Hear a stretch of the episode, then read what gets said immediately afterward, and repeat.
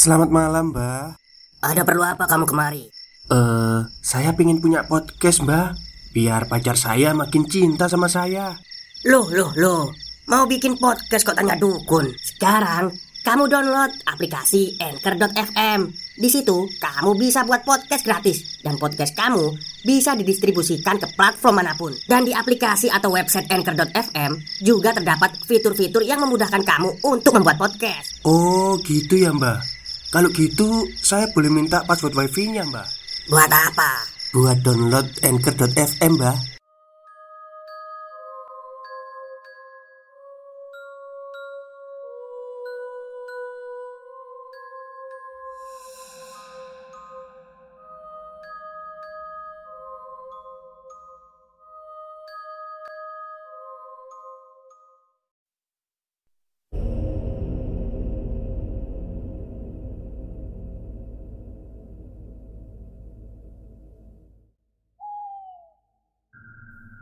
Assalamualaikum warahmatullahi wabarakatuh. Halo semuanya, jumpa lagi dengan saya Chow Sing Sing Kurator dari Podcast Horror Night Story. Halo apa kabar semuanya? Semoga kalian semua sehat-sehat ya. Dan seperti biasanya pada siang hari ini saya kembali Dan akan menghadirkan sebuah kisah mistis untuk kalian semua Kisah mistis kali ini saya datangkan dari kiriman email yang dikirimkan oleh Mbak Medina Yang menceritakan tentang susu kuntilanak. Seperti apa kisahnya? Mari kita simak. Dikala matahari mulai meninggikan sinarnya Tiba-tiba Ristiana mendengar suara ketukan pintu. Pintu pun dibukanya. Ternyata itu adalah seorang yang ia kenal dekat. Dia adalah teman kakak Risti, namanya Mas Trisno. Ia pun membawa istrinya yang bernama Dewi. Risti tergolong gadis yang peka dengan penglihatannya. Tiba-tiba, mata Risti tertuju pada sosok yang di belakang Dewi, yang sepertinya selalu mengikuti Dewi ke mana pun ia pergi. Sedikit gambaran akan sosok itu Sosok wanita bertubuh hitam gelap Rambutnya panjang Menutupi semua wajahnya. Matanya putih Jalannya pun terpincang-pincang. Sosok itu sangatlah menakutkan Mirip seperti kuntilanak Tapi berbadan hitam. Sosok kuntilanak itu menatap ke arah Risti Dengan sorotan mata tajam. Risti pun segera memalingkan wajahnya dan pura-pura tidak melihatnya. Seakan-akan sosok itu tahu bahwa Risti bisa melihatnya juga.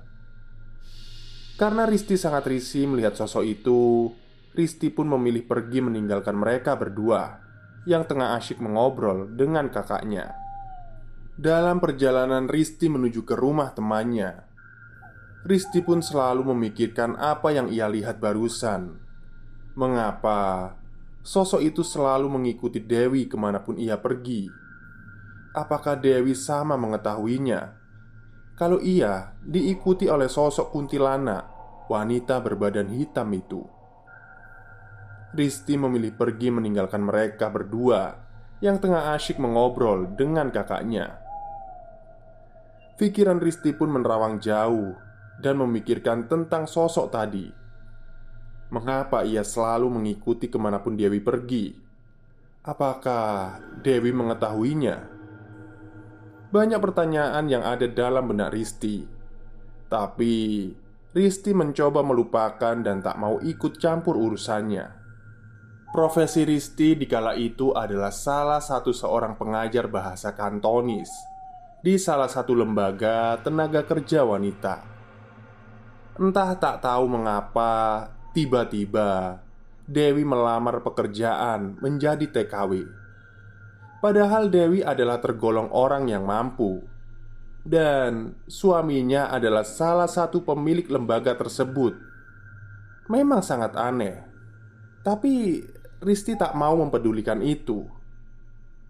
Mau tidak mau Ristilah yang menjadi guru pengajar Dewi Dan di sinilah semua mulai terungkap tentang siapa sebenarnya Dewi dan sosok apa yang mengikuti Dewi ini. Hari pertama mengajar Dewi, Dewi pun berada di mes lembaga itu. Hari pertama, Dewi mengikuti kelas bahasa yang diajar oleh Risti. Karena Dewi sudah berumur, Dewi pun sangat lambat dalam menangkap semua pelajarannya.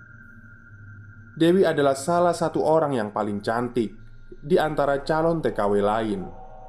Bahkan tak ayal, teman Risti pun yang lelaki sering mencuri pandang ke arah Dewi. Tapi tidak dengan Risti yang memiliki kepekaan. Risti melihat wajah Dewi itu sangat menakutkan Wajahnya terkadang sering kelihatan sangat tua Seperti nenek-nenek berumur 70 tahunan Padahal kala itu Dewi masih berumur 28 tahun Tapi sekali lagi Sebagai guru pengajar Risti mencoba profesional mengajari semuanya Walaupun dalam kondisi ketakutan Tak nyaman dan keselamatannya pun terkadang akan sangat terancam sewaktu-waktu. Apalagi saat Risti melihat ke arah Dewi, sosok setan kuntilanak itu melihatnya kembali. Seakan-akan setan itu tahu kalau Risti bisa melihatnya juga. Kuntilanak hitam itu tak ingin urusannya dicampuri. Ia melihat Risti dengan sorot mata tajam, seakan menggertak Risti agar Risti bungkam dan tak mengatakan ini kepada siapa pun. Risti juga mengetahui dampaknya kalau Risti berbicara kepada teman-temannya akan rahasia Dewi. Bisa-bisa Ristilah yang akan menjadi tumbal berikutnya. Dua jam mengajari Dewi pelajaran bahasa dengan sangat menegangkan. Sekali lagi, Risti mencoba profesional dan mengabaikan sosok itu. Setelah pelajaran selesai, Risti pun mencoba ingin mengetahui sosok ini kenapa selalu mengikuti Dewi.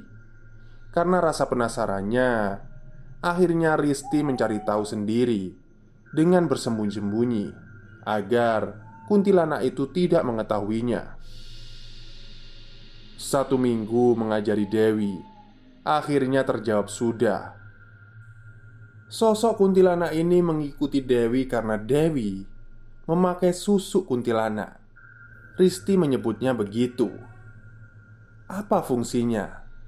Risti pun belum mengetahui secara jelas.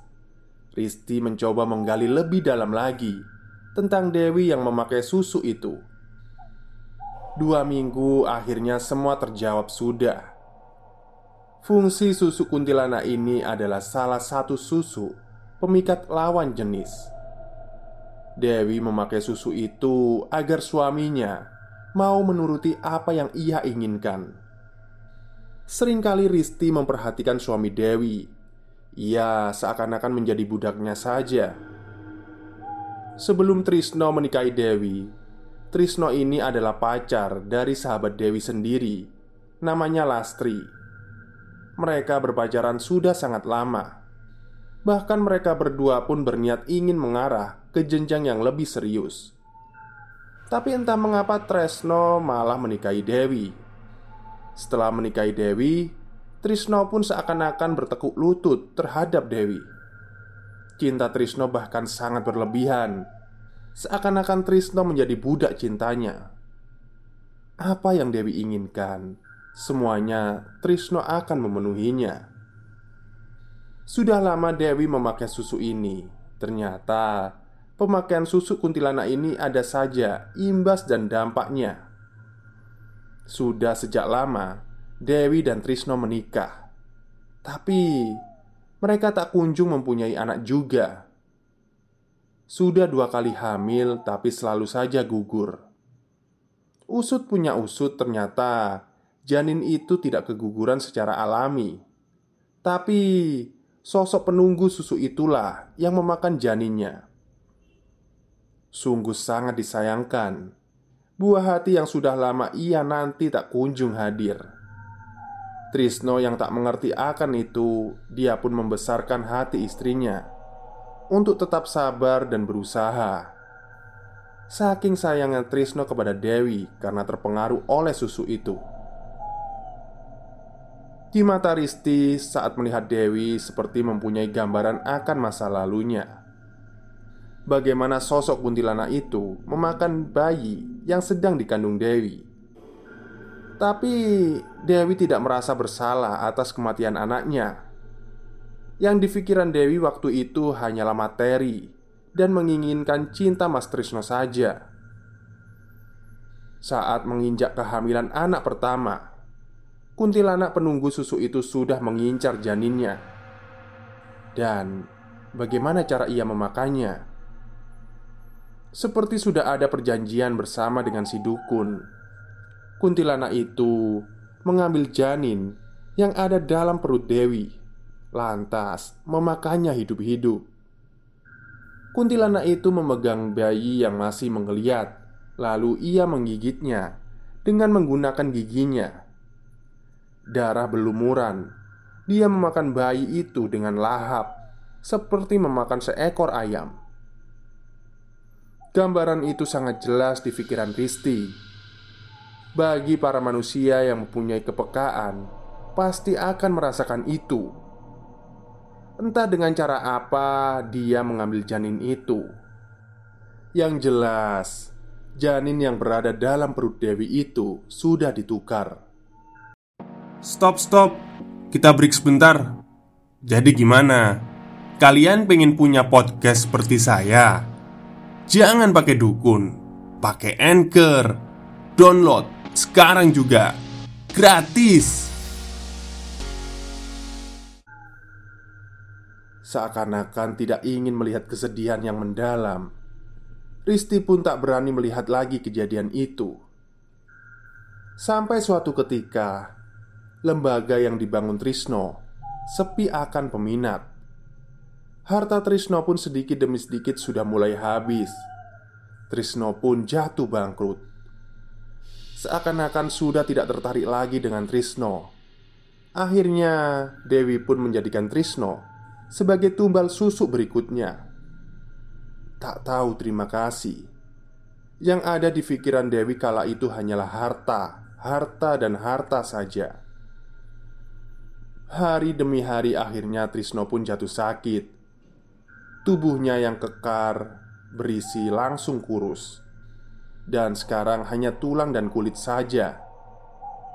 Sungguh pemandangan yang sangat ironis, membuat siapa saja yang melihat Trisno seakan-akan menangis dan melihat kesedihan yang sangat mendalam akan dirinya.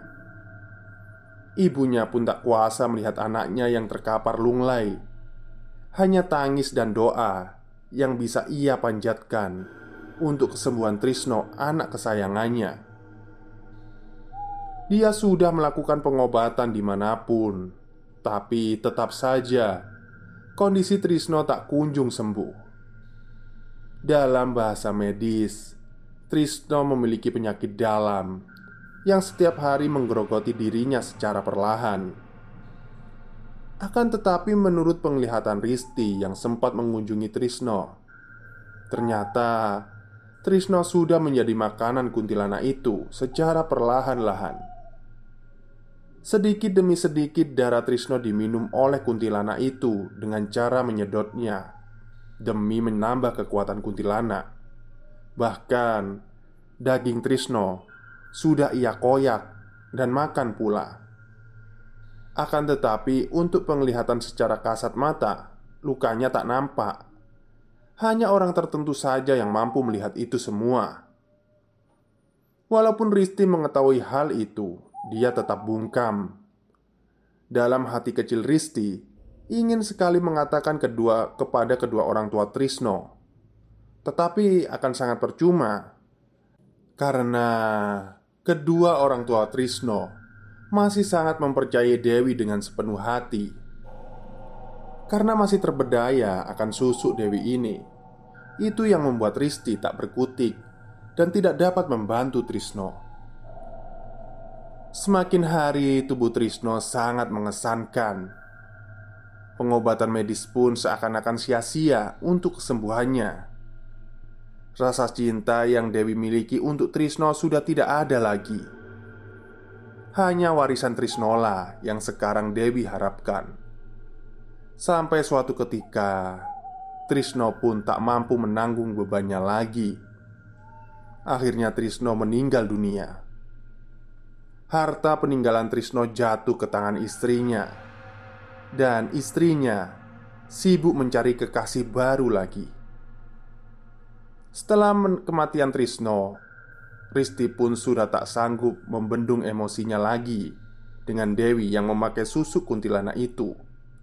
Apalagi dengan sosok kuntilanaknya sendiri yang sudah memakan banyak sekali korban.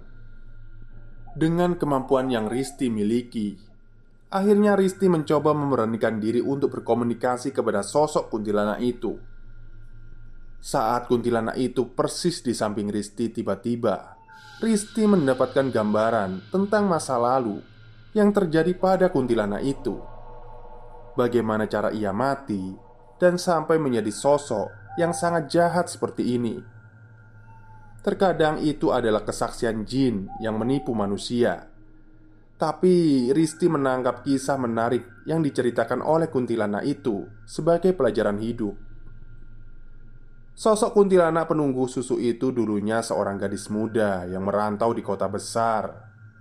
Sebut saja namanya Rumina, atau bisa dipanggil dengan Rum. Dulunya, Rumina adalah sosok gadis yang baik, tapi karena kebutuhan ekonomi, keluarga Rumina berhutang besar Kedua orang tua Rumina hanya sebatas pekerja kasar yang penghasilannya tak menentu. Rumina yang hanya bisa menamatkan sekolah di bangku SMP akhirnya mau tidak mau membantu perekonomian keluarganya. Dia pun merantau ke kota besar menjadi PRT. Setibanya Rumina di rumah majikannya, bukannya diperlakukan dengan baik, malah mendapat perlakuan yang tak senonoh. Ruminah pun diperkosa oleh majikannya sendiri. Sampai akhirnya dia mengandung anak majikannya sendiri. Sampai tibalah saatnya Ruminah pun pada akhirnya meminta pertanggungjawaban Kepada majikannya yang bejat itu Majikan bejatnya tak terima karena takut ketahuan kepada sang istri Majikan bejatnya itu pun akhirnya membunuh Rumina dengan mengikatkan kain di lehernya, lalu menariknya kuat-kuat sehingga Rumina kesulitan untuk bernafas. Tanpa tunggu lama, Ruminah pun sudah tak sadarkan diri dan mati bersama sang calon bayinya. Karena takut perbuatannya itu diketahui oleh orang-orang dan istrinya, majikan bejat itu akhirnya mengubur Rumina dan bayinya yang masih di dalam perut Rumina. Mereka dikuburkan di belakang pekarangan rumahnya. Di atasnya ditanami tumbuhan. Sampai akhirnya ia pun menjadi arwah penasaran. Arwah Rumina memakai pakaian berwarna merah, seperti pakaian pada saat terakhir sebelum ajal menjemputnya. Arwah penasaran itu hanya mondar-mandir saja di sekitar jasadnya Sampai suatu ketika sang dukun jahat menemukan arwah penasaran itu Dan akhirnya dimanfaatkan oleh dukun itu untuk berbuat kejahatan Untuk mau menjadi bawahan dukun itu Semakin Rumina berbuat jahat Tubuh Rumina semakin menghitam Namanya juga makhluk halus Ia pun mau bekerja dengan syarat imbalan Yakni dengan memakan para janin itu dan suami Dewi. Walaupun seperti itu, sosok kuntilanak Rumina terkadang merasa sangat bersalah. Ia pun dikembalikan seperti dulu lagi dan ingin disempurnakan. Karena dalam hati kecilnya, ia sudah tak mau lagi menjadi budak sang dukun. Dengan kemampuan Risti yang ia miliki, Risti pun menuntun Rumina untuk membaca syahadat kembali dan berpesan kepada Rumina agar tak usah takut lagi kepada dukun itu. Ingatlah kepada Allah, karena Allah Maha Penyelamat.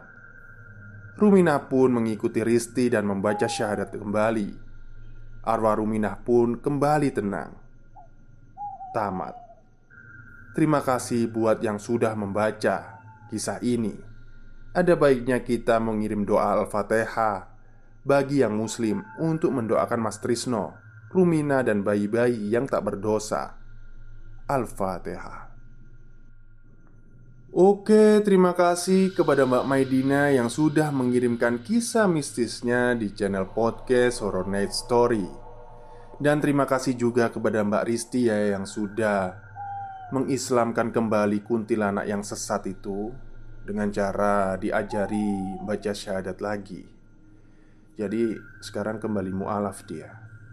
Oke, mungkin itu saja yang bisa saya ceritakan pada siang hari ini. Kurang lebihnya saya mohon maaf. Wassalamualaikum warahmatullahi wabarakatuh.